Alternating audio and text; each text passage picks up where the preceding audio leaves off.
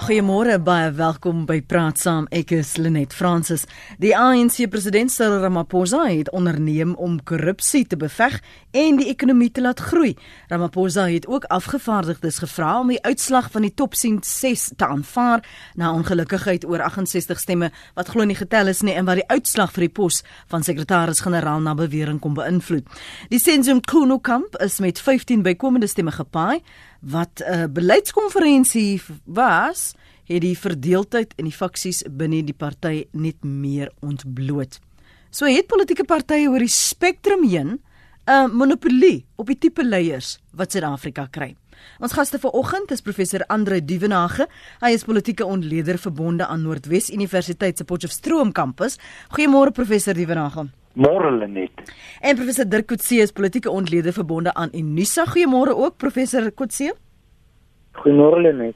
Dit was lekker om vir jou 'n rukkie gelede op monitor ook so vir 10 minute te hoor. Baie dankie vir jou beskikbaarheid ook vir praat saam. Ek wil aanhak by 'n ding wat jy gesê het. Um en ek wil vir jou vra om vir ons die konteks te gee. Die feit dat um Cyril Ramaphosa gevra het dat hierdie uh, KwaZulu-Natal, Limpopo ongelukkigheid van van afgevaardigdes daar tersyde gestel moet word vir die groter doel. Is dit tekenend van hoe die ANC opereer? Oor alles in die belang van eenheid. Aanvaar nou die uitslag. Wel ek ek dink dit is eerstens sy oogmerk nou vir die onmiddellike um, om te probeer dat daar nou nagevolge gaan wees van hierdie nasionale konferensie. So in 'n sekere sin is hy bereid om 'n prys te betaal daarvoor in die geval van die sekretaris-generaal en net terwyl hy daarvan om om sy eie posisie te konsolideer in die eerste instansie om te probeer om uit te werk hoe sy verhouding met David Mabuza gaan wees as die adjunct president. Um, en dan om ook 'n natuurlike bedeling te kan uitwerk met die uitgaande leierskap en veral met president Zuma. So dit is alles daarop ingestel om die verdeeldheid wat daar binne die ANC bestaan op die oomblik ten spyte van hierdie konsep van eenheid um, wat nou veral onder leiding van David Mabuza baie prominent geword het en wat iemand soos Willem Mkhize omarm het en wat in definitief in sy guns gewerk het um, om om dit verder te voer. Wat ons soos wat ek vroeër gesê het wat ons eintlik hier het, het op die oomblik is nie 'n vorm van eenheid in die sin dat dit 'n 3-3 verdeling binne die top 6 is nie, maar dat dit eerder 'n vorm van magdeling is. Dat dit eerder iets is soortgelyk aan 'n aan 'n koalisie uh, wat op die leierskap van van uh, Cyril Ramaphosa afgedwing is deur hierdie konferensie. Um, en dit gaan nou van hom afhang um, hoe tot watter mate hy nie die ander groepering gaan antagoniseer of gaan wegdryf soos wat uh, Jacob Zuma gedoen het in na 2007 met Polokwane en 2012 met die ondersteuners van Gelene Motlanthe maar om hulle eerder nader te trek um, en 'n meer ge, uh, verenigde um, ehm, ANC tot stand te bring. Dit dit is dit gaan 'n unieke proses wees. Dit het nog nooit van tevore gebeur nie. Um, en dit is iets wat wat werklik 'n toets gaan wees of Ramaphosa dit kan regkry.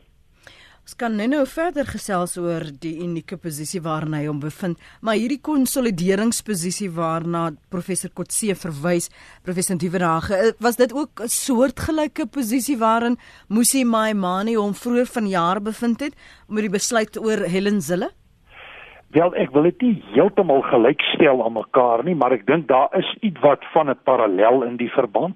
Ek dink die belangrike hier om te sien is dat belangegroepe dikwels konflikterend nou verteenwoordig is in strukture en dat leierskap moet probeer om stabiliteit te bring, om kontinuïteit te bewerkstellig. En Dirk is heeltemal reg, die uitdagings vir meneer Ramaphosa is baie groot uitdagings. Hy werk in effek met 'n koalisie wat hy bymekaar moet probeer hou en terselfdertyd moet die ou Zuma groepering eintlik uitbestuur word op sekere vlakke.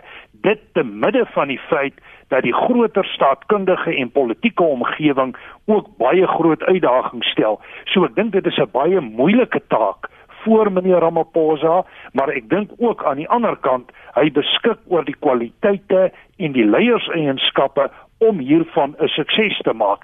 Trouwens, ek dink hy's in 'n beter posisie met sy besondere kwaliteite as wat iemand soos Nkosazana Dlamini Zuma in dieselfde posisie sou gewees het. Kom ons parkeer net vir 'n oomblik um die die Nasrek gesprekke. Want maar, maar dit is die basis van waar ons kom. As jy kyk na die leierskap van 'n DA byvoorbeeld of van 'n EFF wat 'n baie jong party is, sien jy dat daar wel die partye die leierskap van daardie tyd van daardie party op 'n gegeewe oomblik besluit wie die volgende leier gaan wees? Dat dit 'n manipulasie is van 'n proses en nie noodwendig is wat die kiesers of die ondersteuners van daardie party nodig het nie professor Die Vrage Wel, uh, ek dink ons moet aanvaar dat in enige samelewing moet daar noodwendig elites wees en moet daar massas wees. Die vraag is hoe word leierskap in samelewings geïdentifiseer en aangewys? En die metodiek wat die meeste na toe verbind is, is 'n vorm van demokrasie, maar ook demokrasie het sy beperkings in terme van die aanwysing van leierskap. En in baie gevalle is dit 'n oefening wat plaasvind onder elites. En ek dink dit is tot 'n sekere mate wat ons ook maar hier gesien het op die oomblik met die nasionale konferensie van die ANC maar jy kan ook leierskap op ander me ander wyse aanwys as demokratiese prosesse. Maar in kort dink ek dit is belangrik om te sê dat uh, daar is leierskap geïdentifiseer almal stem nie noodwendig daarmee saam nie. Dit is deel van demokrasie om ook te verskil. In daai sin dink ek sal daar nooit 100% konsensus wees ten opsigte van die keuse van leierskap nie. En ons sien dit ook nou baie sterk binne organisasies soos die ANC, maar ook ten opsigte van ander partye en jy het vroeër verwys demokraties Mm. Die Engelse gebruike woord evolve. Um ek ek kan nog nie vinnig genoeg aan Afrikaanse woord dink nie, maar kom ons praat oor hoe um die die asse leierskap ontvou het met die tyd. Jy praat van 'n 'n Susan na 'n Zack na 'n Tony na 'n Helen um Zille na na 'n Musima Imani. Wat is daardie oorgange en en is daar werklik 'n verdieping? Is dit 'n proses waar dit gaan oor die party of waar die land of waar die die party se se se kiesers soek uh, Dirk? Ja, ek ek dink die die eerste punt wat ek wil maak is is dat um daar is 'n debat binne die ANC nou, ehm um, wat wat die hele tyd nou al aankom oor tot watter mate die huidige stelsel verteenwoordigend in 'n interne demokratiese bedeling skep. Ehm um, en daar's baie ernstige vrae daaroor. Daar's byvoorbeeld voorstelle nou dat al die lede van die ANC, die ehm um, die paar honderd duisend wat hulle het, ehm um, vroeër was dit oor 'n miljoen, dat hulle moet direk betrokke raak. Ons sien in in baie of meer en meer lande dat daar sogenaamde voorverkiesings primaries begin ontstaan as 'n as 'n praktyk. Byvoorbeeld die sosialistiese party in in Frankryk het nou daarmee begin. Ons weet dat dit in Amerika reeds 'n staande praktyk is. Ehm um, so dit is iets waar daar daar's nog steeds kandidaate wat wat voorgestel word of wat self onnalis hulle self voorstel soos in die Amerikaanse proses. Ja. Ehm ja. um, So dit is nie die kiesers wat in die eerste instansie die die kandidaat identifiseer nie, maar sodra as daar waar waar daar 'n reeks kandidaate is, word hulle meer betrokke by die identifisering van wie hulle uh, uh keuse is of uh, om uiteindelik die kandidaat se maar presidensiële kandidaate kan wees. In Suid-Afrika het ons nog geen so 'n tipe van 'n proses nie. Ehm um, in die geval van die DA is dit ook dat dit vanaf die baie soortgelyk as as die ANC um, vanaf die die takke af opbeweeg het eintlik na die federale kongres toe. Die DA is op die oomblik besig uh, met hulle provinsiale kon kongresse. Um, en dit lei dan na die federale kongres. So in 'n sekere sin is die met die die die, die detail verskil, maar die algemene tendens is baie dieselfde. Wat beteken dat dit uiteindelik dikwels gebeur dat uh, bestaande leiers oor tyd nuwe leiers begin identifiseer Daar's baie mense wat glo dat Helen Zille vir Lindiwe Masibuko geïdentifiseer het op 'n stadium vir Musi Maimani geïdentifiseer het. Politieke partye soos die DA het hulle eie interne proses van om leierskap te ontwikkel, 'n tipe van 'n opleidingsprogram wat hulle het of 'n 'n voorbereidingsprogram vir leierskap dit verskil van party tot party ook. Ehm um, die gewone kiesers of die lede van partye is nie baie direk daarbey betrokke nie. So dit is dit sluit aan by Andre se punt dat daar is 'n 'n elitevorming wat plaasvind binne politieke partye en daai ontstaan of kom gewoonlik voor dan die leiersfigure. Ehm um, dis eers by verkiesings soos wat ons nou by die ANC gesien het wat daar 'n mate van meer populêre deelname daarby is. Maar in geval van die ANC weer eens en die DA is dit beperk tot afgevaardigdes. Dis nie die algemene hmm. lede of ondersteuners van die party wat daarbey betrokke is nie. En ek dink dis iets wat oor tyd gaan waarskynlik verander dat daar groter betrokkenheid van lede gaan wees by die identifisering van leiers. Want as jy byvoorbeeld kyk na die die DA en jy kyk na die ANC en een kommentator het spesifiek gepraat van die ANC se se lede en kandidate as pensionaarsse.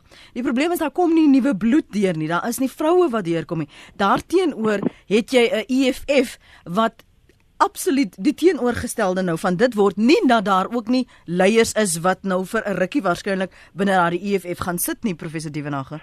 Lenet, ja, dis 'n baie geldige punt wat daar gemaak word. Ek dink een van die groot probleme van die ANC is juis sy kiesstelsel en die wyse hoe leierskap aangewys word wat ek dink baie verouderd is, wat ek dink baie verbeter kan word en wat ek dink ook aandag behoort te kry binne hulle konsep van eh, kom ons noem dit organisatoriese vernuwing. En dis vir my baie duidelik dat die ANC baie sterk staan op verteenwoordigendheid of dan representativity, maar as ons kyk na die keuse van die top 6, dan is dit baie duidelik dat hy totale Zulu groepering uitgesluit is. Vroue is baie onderverteenwoordig daar. Minderheidsgroepe is bykans glad nie verteenwoordig nie. So daar is baie groot probleme en jy spreek ook 'n ander lyn aan en dit is die generasiegaping dat dit almal eintlik ouer tipe persone is met ervaring wat deur die stelsel kom. En dit skep vir die ANC baie groot probleme op die stadium. En ek dink Dirk is reg hulle sal ongetwyfeld moet kyk na wat hulle doen en hoe hulle leierskap aanwys want ek dink 'n deel van die uitdaging waarmee meneer Ramaphosa op die oomblik sit het juis te maak daarmee dat hier nie goeie verteenwoordigendheid is nie en dat daar as gevolg van dit eintlik olie gegooi word op bestaande verdeeldheid binne die ANC kringe wat reeds bestaan. So in daai sin dink ek is hier 'n problematiek wat hanteer moet word, maar dit moet hanteer word binne die breë konsep van organisatoriese vernuwing en dit gaan hier oor meer as net die kiesstelsel en kiesprosesse. Het het meeste van hierdie partye professor Kutse wel ehm um 'n opvolgplan, 'n succession plan. Ek ek dink terwyl professor Dievenaar gepraat, ek het nog nooit 'n vrou gesien wat opstaan uh, vir die Vryheidsfonds Plus byvoorbeeld nie. Ek weet nie of daar vrou in hulle topstruktuur is nie. Ek het net nou die afgelope jaar verliese van 'n merwe gesien by die EFF en sy het een oggend ook ingebel. Maar andersins is dit net mans, mans, mans, ouer mans. Ja, nee, dit is korrek daarmee. Ehm um, En daar daar is nie en ek dink in die meeste gevalle is daar nie werklike opvolgingsplan nie. Daar was in die geval van die DA dink ek was daar tot 'n mate dit gewees onder die leiding van Helen Zille. Um, maar nou dat daar 'n relatief jong generasie is, um, is daar nie nie werklik so 'n plan nie. Ek dink dit sal op 'n later stadium miskien ter sprake kom. In die geval van die ANC is daar gewoonlik so 'n plan en dit is dat die die adjunkt president is van ons stel om die president te word. Ons het gesien die dinamika wat daarvan daaroor ontwikkel het vanaf omtrent 2015. Uh, hoe Kusati eerstens daar begin aandring met kommunistiese partye daarop aangedring het en uiteindelik het dit selfs binne die ANC toe ook weer 'n baie prominente argument geword.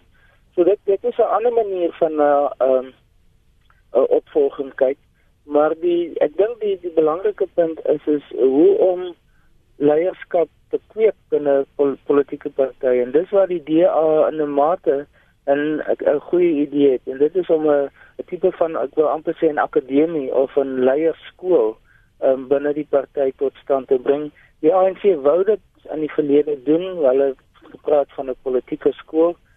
Dit kom vanaf voor 2007 voor voor Polokwane dis nooit geïmplementeer regtig nie Ehm um, ander politieke partye soos die EFF dink ek op hierdie stadium sien alself as so net ehm um, met 'n eintlik nog 'n nuwe leierskap, 'n relatief jong leierskap ook dat hulle ook nie werklik daaraan dink nie, maar die idee van vroue word eintlik net binne die ANC in 'n in die sin van kwotas en dit is 'n kriegvorm van dit doen. Hmm. word dit afgedwing in die vorm van dat daar 'n 50-50 teenwoordiging byvoorbeeld in die nasionale uitvoerende komitee moet wees. Ehm um, en en ook op lae vlakke soos byvoorbeeld raadslede op plaaslike vlak, maar in terme van leierskap, die ontwikkeling van vroue leiers uh, word daar baie min gedoen deur enige politieke party. Ek dink wat ons ook nog kan verwys is die is in Kaapstad en hoe die leier van in Kaapstad wat die Botelesie vir dekades nou sy van die in van in Kaapstad was en nooit iets gedoen het om te probeer om sy opvolger uh voor te brei vir so 'n posisie. En so die in die algemeen dink ek is politieke partye nie werklik daarop ingestel om ehm um, hulle opvolgers voor te brei of te probeer identifiseer nie. Maar onthou julle, dit klink so lank gelede, um, dat daar destyds met die nuwe leier in die verkiesing van 'n nuwe DA leier, toe was ehm um, Musi Maimane teenoor Lindiwe Mazibuke ges, gestel. En dat daar ook toe faksies was waar almal vir hulle uh, verkose uh, voorkeur liewer kandidaat um, ge, ge, ge, ge reklameer het. So help ons om te verstaan. Tel ons stemme en dit wat ons wil hê enigstens gegee wat 'n party jy behoort professor Dievenager. Wel, ek dink stemme tel op 'n manier, maar ek dink hier's twee prosesse wat ons moet onderskei.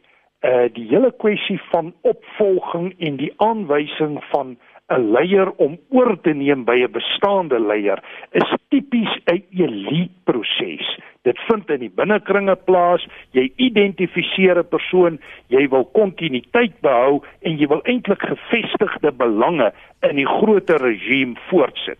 Daarteenoor sit jy met demokratiese prosesse waar die gewone voetsoolvlak persoon of lid het bepaalde regte en hulle oefen bepaalde keuses uit. En dikwels kan hierdie twee prosesse teenoor mekaar staan. Dit hoef nie so te wees nie, maar dit kan teenoor mekaar staan. Die lyn wat jy loop op die stadium is die demokratiese lyn en ek dink dit is 'n goeie lyn om te volg om te sê mense op die voetsoolvlak het 'n reg om 'n keuse uit te oefen, maar dan moet mense ook verwag dat keuses so uitgeoefen kan word dat opvolging nie altyd 'n moontlikheid is nie. My kyk op leierskap is eintlik dat daar drie belangrike faktore uh tot stand kom wanneer leierskap verkies word. In die eerste plek die politieke omgewing en die omstandighede binne daardie omgewing wat 'n bepaalde tipe leier noodsaak. Dit hang saam met bepaalde leierskap kwaliteite en dan natuurlik jou beleid of jou norme wat jy voorstaan. En ek dink laasgenoemde is een van die sake wat meneer Ramaphosa baie sterk bevoordeel het eintlik al drie daai faktore en in daai sin het hy gewen teenoor Nkosazana Dlamini Zuma wat ek dink te kort geskiet het in terme van daardie drie vereistes. Maar in kort, ek dink jy sit hier met twee prosesse, elite en die voetsoolvlak en hierdie twee goed kan saamgaan, maar dit hoef nie saam te gaan nie. Kom ons hoor wat het Wynand op die hart daar in uh die Noord-Kaap. Ek hoop Lawrence luister in Port Elizabeth. Hy gaan ook van hom laat hoor. Môre Wynand. Môre Lenet.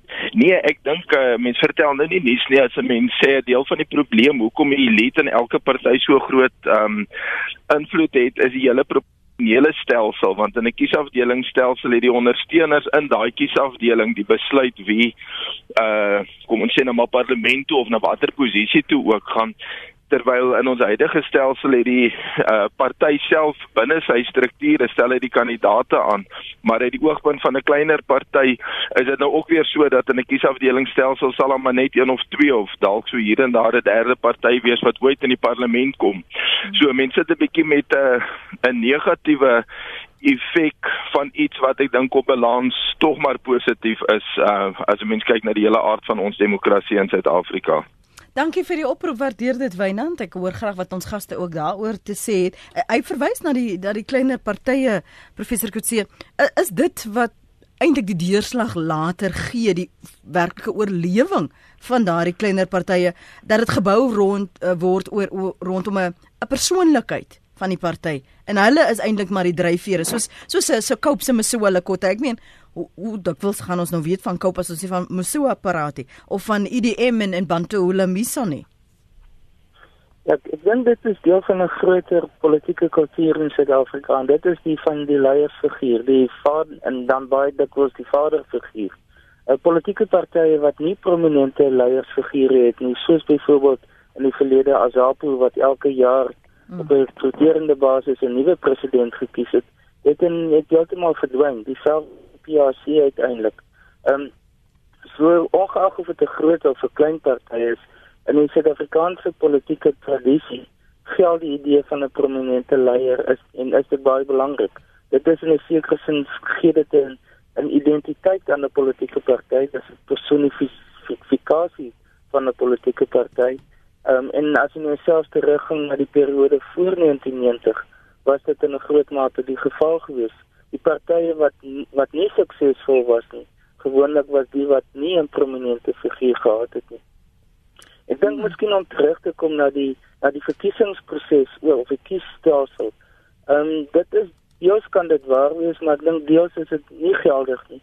Die huidige proporsionele verteenwoordigingsstelsel maak dit moontlik vir klein partytjies om in die parlement verteenwoordig te wees. In 'n direk verkose stelsel ehm um, is dit gewoonlik nie die geval nie. Ek dink die die die groot verskil is die feit dat ons 'n parlementêre proses gebruik, 'n parlementêre stelsel en nie 'n presidensiële stelsel nie. Ehm um, met die presidensiële stelsel word die president direk gekies. In ons geval nie, dit word via die uitslag van 'n algemene verkiesing word die president in die parlement gekies. Net maar wat wel belangrik is uit die oogpunt van leierskap is is dat as gevolg van hierdie praktyk beteken dit dat die leier van 'n politieke party soos in 'n parlementêre stelsel waar ons eerste minister sit het dan 'n baie goeie kans om die regeringsleier, om die regeringshoof uiteindelik te word. So die besluit deur 4 of 5000 afgevaardigdes by die ANC se nasionale konferensie kan weet tot nou toe ook bepaal wie die volgende nasionale president gaan wees. Ehm um, dit kan in die toekoms moontlik ander partye soos die DA kan daarbey betrokke raak of dit kan vir hulle relevant word laat 'n besluit binne die DA uiteindelik 'n besluit gaan wees oor wie die nasionale hooffiguur of president sal wees. Ek dink dis waar die belang van die kiesstelsel, die interne prosesse van die politieke partye, ehm um, en hoe dit relevant is vir nasionale besluite uiteindelik. In 'n land soos Frankryk of uh die VSA is dit nie die geval nie, omdat daar direk verkose presidentsiële verkiesings is. En ek dink dis hoekom weer eens hoekom hierdie afgelope verkiesing van die ANC soveel impak maak op nie net ANC ondersteuners nie, maar Suid-Afrikaners in die algemeen. Hier is van ons SMS'e wat ek gou met julle wil deel en julle reaksie op kry. Die een sê ek stem vir individue wat 'n kabinetpos moet vul. Politieke partye moet nie meer bestaan nie, hulle is net magsbehep. 'n Bevoegde individu kan afgedank word sal lei tot beter dienslewering, skryf Jack in Pretoria. 'n SP rig ook hierdie die bekommernis oor leierskap. Hoe kan jy vir 'n leier stem wat se party droog maak? En baie praat van wat as daar of die leierskap wat dan nou die verkose leierskap so sleg vaar. Ehm um, waarom is hulle nie verantwoord direk verantwoordbaar aan die kiesers nie?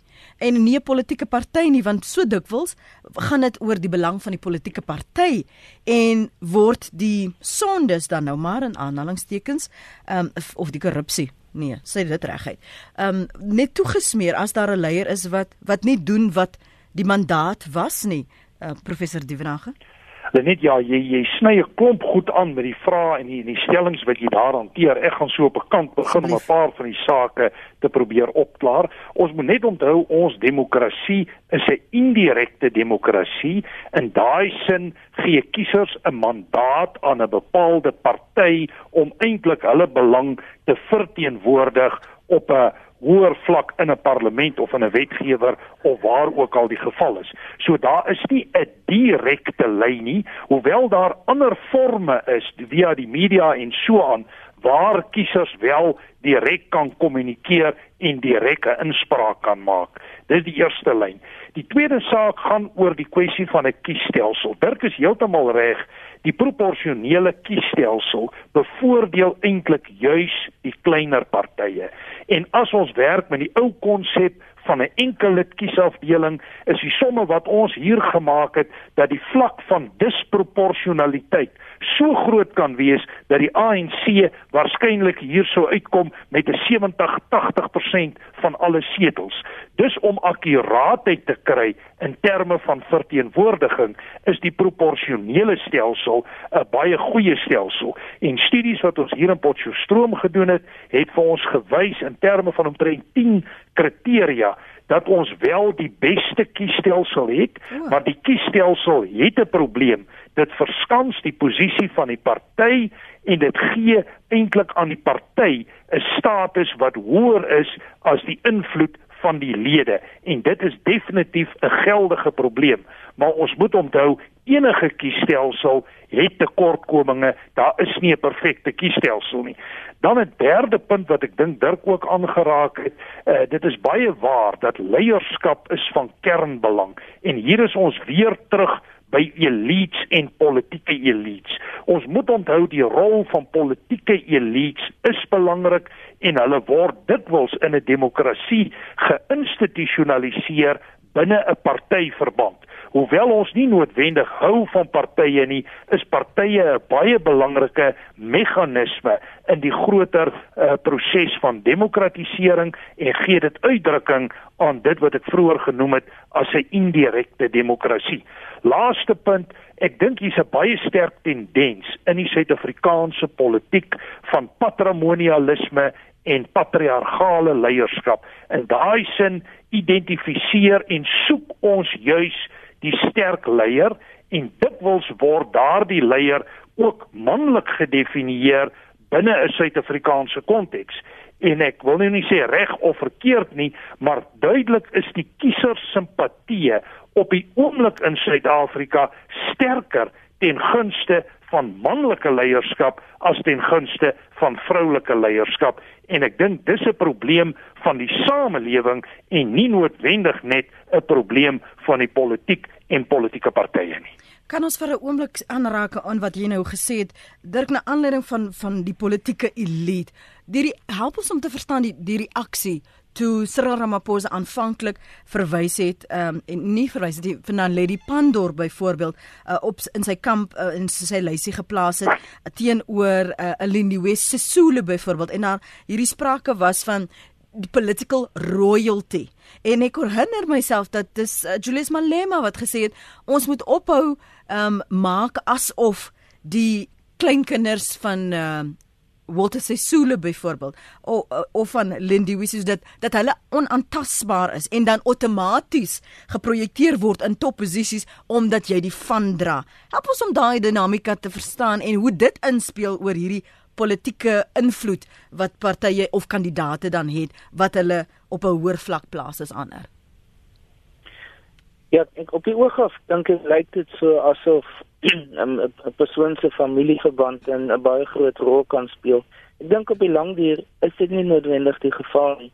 In die geval van Lady Pandor dink ek is sy in 'n groot mate deur of wat sy deur uh, Cyril Ramaphosa geïdentifiseer omdat sy nie opsigtelik betrokke was by die verskillende faksies nie en baie suksesvolle minister is um, en dat sy gesien is as 'n persoon wat verskillende ander belange ook binne die ANC kan verteenwoordig veral die die ouer geslag. Um ek weet die ons gesprek is nou meer oor die af, afwesigheid van jong mense um in die politiek terwyl die die die teendeel eintlik in die die die gang is binne die ANC om ouer persone uh, te betrek. En en sy was definitief so. Ons het gesien die rol wat die ANC veterane uh, gespeel het voor hierdie konferensie en die rol wat hulle probeer speel het om 'n meer morele gesag binne die ANC te ontwikkel en sy sou so 'n figuur gewees het. So wel haar vroulikheid en vrou wees en was definitief 'n faktor was in die keuse wat hy gemaak het, het sy ook ander aspekte te sprake gebring. dink dis dieselfde as tot 'n mate met Lindiwe Sisulu die geval gewees. Ehm um, hoewel sy wou maar self nie direk assosieer met Cyril Ramaphosa se verkiesingsveld tog nie. Ehm um, het hulle waarskynlik gedink dat sy groot ondersteuning byvoorbeeld in die Oos-Kaap sou kry wat uiteindelik nie die geval was nie. Ehm um, en dat sy as gevolg van haar senioriteit binne die kabinet want sy is een van die meer senior uh, kabinetslede ehm um, dat dit ook sou gehelp het in die verkiesingsveld tog. Uiteindelik wat baie te sprake kom hier is persoonlikhede. Dit gaan oor uh, en ek dink as jy mens terugdink byvoorbeeld aan 2007 was een van die belangrike faktore wat gelei het tot president Zuma se verkiesing ja. was dat die mense gesê het hy is meer toeganklik teenoor ja. president Mbeki wat ehm um, 'n persoon was wat homself nog meer elitisties uiteindelik gedra het.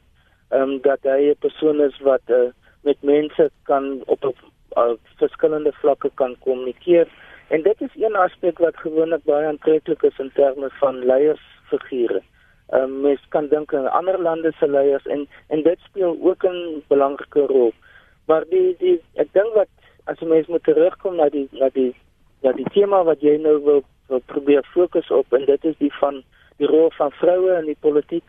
Dink ek is dit uh, is daar 'n tradisie binne Suid-Afrika wat baie moeilik is om te breek en persone soos Helen Zille het dit probeer men iemand soos Mandela Rambele het dit probeer en dan uh, Lindiwe Masibuko het dit probeer ehm um, Patricia de Loo het dit probeer. So daar is belangrike figure in die Suid-Afrikaanse politiek wat reeds prominente rol gespeel het maar soos wat nou dikwels na verwys word, dit is ironies dat Suid-Afrika nie die eerste land in Afrika is wat is wat 'n vroulike president gaan hê nie. Liberia het dit reeds gehad, Malawi het dit reeds gehad. Ehm um, en dit is dit dit volg wat in 'n ander prominente lande die geval ook is. Die FSA seker een van die beste voorbeelde. Hmm. Frankryk is 'n ander goeie voorbeeld teenoor lande soos byvoorbeeld Turkye, Pakistan wat wel vroulike leiers gehad het ten spyte van die kulturele konservatisme wat daar 'n groot mate bestaan. So dit dit maak die die gesprek moeilik om te bepaal wat werklik die die die bepalende faktor is vir die sukses van vroulike leiers in die politiek in in in lande. In Januarie in die eerste week van Januarie gaan ons hierdie gesprek weier gooi. Ons gaan praat oor die vroue agenda, nie net op politieke vlak nie, maar op alle vlakke in die Suid-Afrikaanse samelewing en ek hoop jy sal uh, weer by my kan aansluit dat ons daaroor gesels. Ek gaan vir julle besonderhede gee, uh, maar dis 'n besliste gesprek, dis vasgeknoop en ek gaan sommer, ek dink dis 'n donderdagoggend wat ek daaroor gaan gesels. So gesluit gerus uh, by my aan daar daaroor maar ons parkeer dit net vir 'n oomblik. Ek wil hoor wat het Johan te sê in KwaZulu-Natal. Welkom Johan. Goeiemôre Lenet. Môre môre. Ek sien dat oor die naweek het die Balje dokumente op Jacob Zuma bedien uh van kennisgewing van 'n groep mense wat kennis gegee het dat hulle wil afstyg van Suid-Afrika en die plek is uitgeplot die Wes-Kaap en teen die Weskus op. En hierdie ouens kwoteer baie interessant dele uit die grondwet en en en en en uh, maar niemand bly almal bly stil hiervan. So ek wil graag hoor wat sê jou slim politieke manne van van so 'n ding. Maar maar hoe bring hou hou se vas hou vas? Hoe, hoe bring jy dit by ons gesprek oor die monopolie op die tipe leiers wat Suid-Afrika kry? Dit dit het 'n geweldige invloed oor die tipe leiers wat in Suid-Afrika heidaglik is en die politiek en die ANC wat daarmee saamgaan. Geweldig. Gaan voort. So my vraag is in so 'n geval wat gaan gebeur want dit het alles te doen met politiek. Wat kan die uitkoms wees van so iets indien so iets sou gebeur? Wat sal die slim manne sê wat sien hulle in die toekoms vir so iets? Goed, kom ons vra hulle daaroor.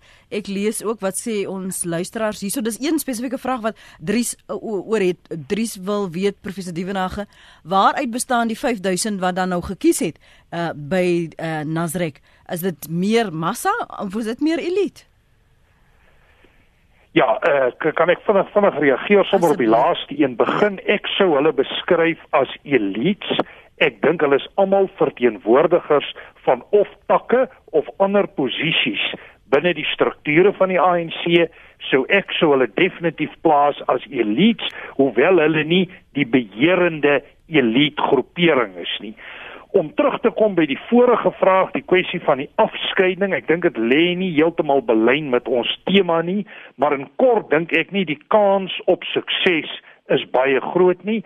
Ek dink nie daar's 'n kritiese massa van steun om dit te kan bewerkstellig nie en ek dink dit gaan ook baie sterk in teen belangrike aspekte van die grondwet wat Suid-Afrika identifiseer as 'n eenheidstaat. So die kans op sukses dink ek is baie klein. Hmm. Wat sê jy van wat die ander punte wat die die luisteraars hier aanraak en, en dis rap wat sê hy hy vat nou verder wat ander gesê het binne elke samelewing is daar drie groepe parasiete poppe en patriotte. Slegs die patriotte, diegene wat die natuur beskore is om die leiers te wees, word demokraties verkies. Ek ek hoop die gedagte som ek korrek op Rob. Ehm um, nog 'n ander een sê ek aanvaar en verkies dat ek deel van die massa of die uh, polariteit is aangesien ek nie genoeg tyd aan kennis aan politiek wil bestee nie my beroep is eh, wat? My seker maar my bydrae nê is belastinggeld beter aangewend kan word om almal in die land se lewens te verbeter my beroep ja. Uh, is ek gelukkig? Hopelik sal Ramaphosa as leier beter vaar. Um, en as ek kan verder gou-gou kyk op ons webblad www.rsg.co.za sê Frik de Villiers hy dink die ANC is inherent sonder integriteit. Uh, kom ons vat as 'n voorbeeld daar is vele meer. Die hof het besluit dat hy onregverdig verkies was tot die leier in die Vrystaat. Dis nou die verwysing na Ysmagashule. Hy het dus sy party en homself in oneer gebring. Die feit dat soveel mense vir hom gestem het, bewys dat die ANC takleiers geen integriteit het nie.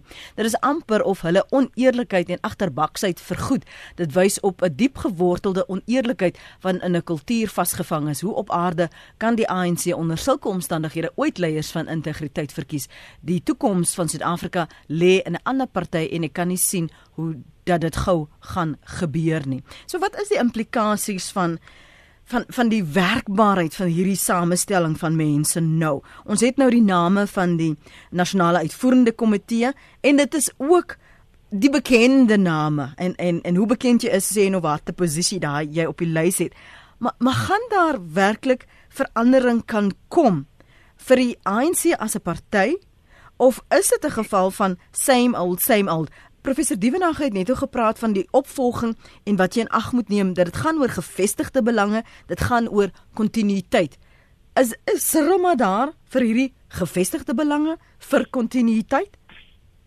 Dirk? Ek dink nie dit is noodwendig die geval nie. Ek dink wat wat ons gesien het met al die presidente tot dusver is dat elkeen hulle eie stempel op hulle op hulle periode afgedruk het. Ehm um, en ek dink mens moet verwag dat Cyril Ramaphosa gaan dieselfde wil doen. Hy was hy is waarskynlik in die moeilikste situasie van die 3 of 4 presidente wat ons tot nou toe gehad het. Ehm um, omdat die ANC so verdeel is. Ek dink die die die groot kwessie gaan wees tot watter mate die die opponerende groepering op die opponerende faksie ehm um, hulle momentum kan behou. Want ehm um, voorsien soos vroeër genoem het dat uh, Dr. Lamini Zuma waarskynlik op die agtergrond gaan skei geskei word dat sy met tyd gaan uitbeweeg. Uh president Zuma weet ons weet dit dat op die laaste 2019 gaan die einde van sy periode binne die politiek wees, waarskynlik vroeër as dit. Um en dan bly persone soos Ysma Gesule oor. Um en David Mabuza, David Mabuza dink ek posisioneer homself mm. anders. Um mm. En dit gaan dan afhang van tot watter mate Cyril Ramaphosa sy posisie kan konsolideer binne die ANC. Ek dink oor 5 jaar as hy by die volgende nasionale konferensie gaan wees, gaan die situasie baie anders lyk. En dit is as dit reg verloop vir Ramaphosa gaan hy teen daai tyd sy posisie gekonsolideer hê en gaan hy waarskynlik 'n 'n 'n nuwe tipe van ANC tot stand kon gebring het um, en dat die huidige groepering wat met president Zuma geassosieer was of met Lamini Zuma um, dat hulle 'n groot mate uh, uitgefaseer is op op die agtergrond gaan wees. Um, maar dis dis die die beste scenario wat ons moontlik kan skets. Um, hmm. As dit nie die geval is nie, as daar as dit nie vir Ramaphosa moontlik is om sy posisie te kan konsolideer nie, dan gaan die ANC se verdeeldheid nog dieper wees as wat dit op die oomblik is. Dan gaan die nasionale uitvoerende komitee waarskynlik omtrent in 'n permanente dooie punt vasgeval wees en gaan nou nie werklik kan besluite neem nie. En dit gaan dan baie negatief inwerk vir die ANC op die 2019 verkiesing. Want dit sal mense in die, in die komende jaar gaan gaan hierdie tipe van dinamika reeds meer duidelik begin word. Um, so ek dink op die op die oog af is daar 'n kans vir Ramaphosa om wel hier oor die ANC te kan oorneem. Ek dink wat ons gesien het die afgelope tyd met president um, Zuma is hoe magtig die posisie van die van die president is en hoe bepalend dit is op die karakter op die klimaat wat binne die ANC en dieselfde geld vir ander politieke partye op kan ontwikkel. Um, en as Ramaphosa dit kan bereik is om dit te kan gebruik as hy voel dat hy nie verlam is deur die huidige situasie nie, dan kan hy dit omswaai. Maar ek dink nie mense moet nou wonderwerke verwag nie. Dit gaan uiters moeilik wees want die die hoof doelwit van Ramaphosa gaan wees dat die ANC nie begin versplinter nie en dat hulle die 2019 verkiesing kan oorleef. Um, en hy is met 'n uh, uh, erfnou 'n situasie wat waarskynlik een van die slegstes is wat 'n nuwe president kan erf um, om en, om om die ANC net te laat oorleef. En dit gaan sy groot toets wees. Hy het baie min tyd oor. Um, hy het naaste by 18 maande oor voor die verkiesing. Um, en dit gaan die absoluut bepalende faktor wees um, of hy die die die glyende tendens van die ANC kan stop en dit selfs tot 'n mate kan omkeer en dit sal bepaal wat sy gesag vorentoe as ANC president en nasionale president moontlik kan wees.